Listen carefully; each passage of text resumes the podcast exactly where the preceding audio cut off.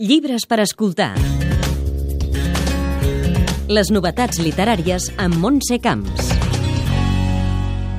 Escolteu com arrenca aquest llibre. Fa anys vaig deixar els camps plans i oberts de la Minnesota rural i me'n vaig anar a l'illa de Manhattan a trobar-hi l'heroi de la meva primera novel·la. I ara aquest. Vaig néixer a San Francisco, Califòrnia. Per tant, sempre m'he estimat més viure en un clima temperat, però és difícil a Europa, fins i tot a Amèrica, trobar un clima temperat per viure-hi.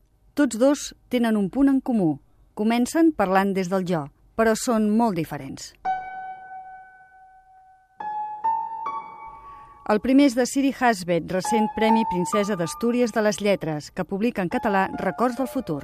Quan hi vaig arribar, l'agost de 1978, l'heroi en qüestió no era tant un personatge com una possibilitat rítmica, una criatura embrionària de la imaginació que sentia com una sèrie de compassos mètrics que s'acceleraven i s'alentien al ritme dels meus peus quan mirava d'orientar-me pels carrers de la ciutat. L'autora nord-americana es posa en la pell d'una escriptora ja gran que evoca els records del seu primer any a Nova York, el 1978, on hi va des de la seva Minnesota natal enlluernada pel futur que se li obre i decidida que la ciutat la converteixi en la geganta, com diu ella, que vol ser. Una metaficció que parla, entre altres temes, sobre si la memòria pot ser o no creïble i que suposa un pas més endavant d'una de les grans escriptores contemporànies publicada en català per Edicions 62, amb traducció de Ferran Ràfols, i en castellà per Seix Barral, amb traducció d'Aurora Echevarria. El pare de la meva mare era un colonitzador. Va arribar a Califòrnia el 1849. Es va casar amb la meva àvia, que tenia una gran dèria per la música. Va ser alumne del pare de Clara I el que sentim ara és Autobiografia d'Alice B. Toklas, el llibre més conegut de Gertrude Stein, que ara recupera l'avenç en català, en traducció de Sumta Camps. La vida de Gertrude Stein és fascinant i reflecteix en aquesta obra on l'autor agafa la veu d'Alice Betoklas, la seva companya de vida, per explicar la seva pròpia autobiografia. Nascuda a Pensilvània el 1874, filla d'una família jueva benestant, Stein va viure bona part de la seva vida a París, també a Mallorca. Va viure de renda sempre i gràcies a això va crear una de les col·leccions pictòriques més importants.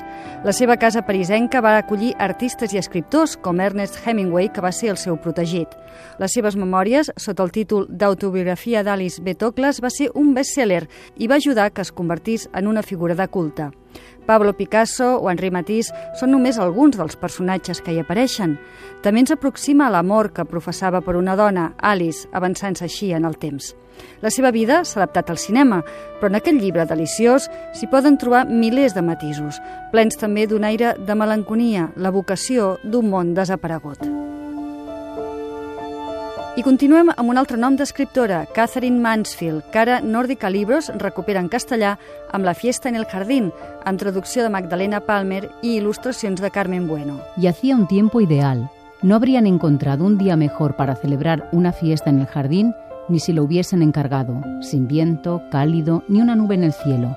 Solo velaba el azul una tenue bruma dorada, como ocurre a veces a inicio de verano. Una altra vida fascinant, la de Catherine Mansfield, nascuda a Nova Zelanda, es va traslladar a Europa de ben jove, amb una breu vida, ja que va morir als 34 anys a causa de la tuberculosi, plena d'amors i desamors i una sensibilitat extrema, Mansfield és una de les grans escriptores del segle XX, una gran autora de contes dels quals n'és una excel·lent mostra aquest recull de dos contes, La senyorita Brill i la que dona títol al llibre, Una fiesta en el jardín. Amb aquests tres noms, el Llibres per escoltar tanca temporada.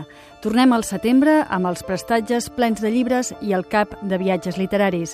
Mentrestant, els escriptors ens inspiren, perquè ells sempre tenen l'última paraula. L'escriptor té l'última paraula. Primer sóc escriptora i després dona. Catherine Mansfield. Llibres per escoltar. Les novetats literàries amb Montse Camps.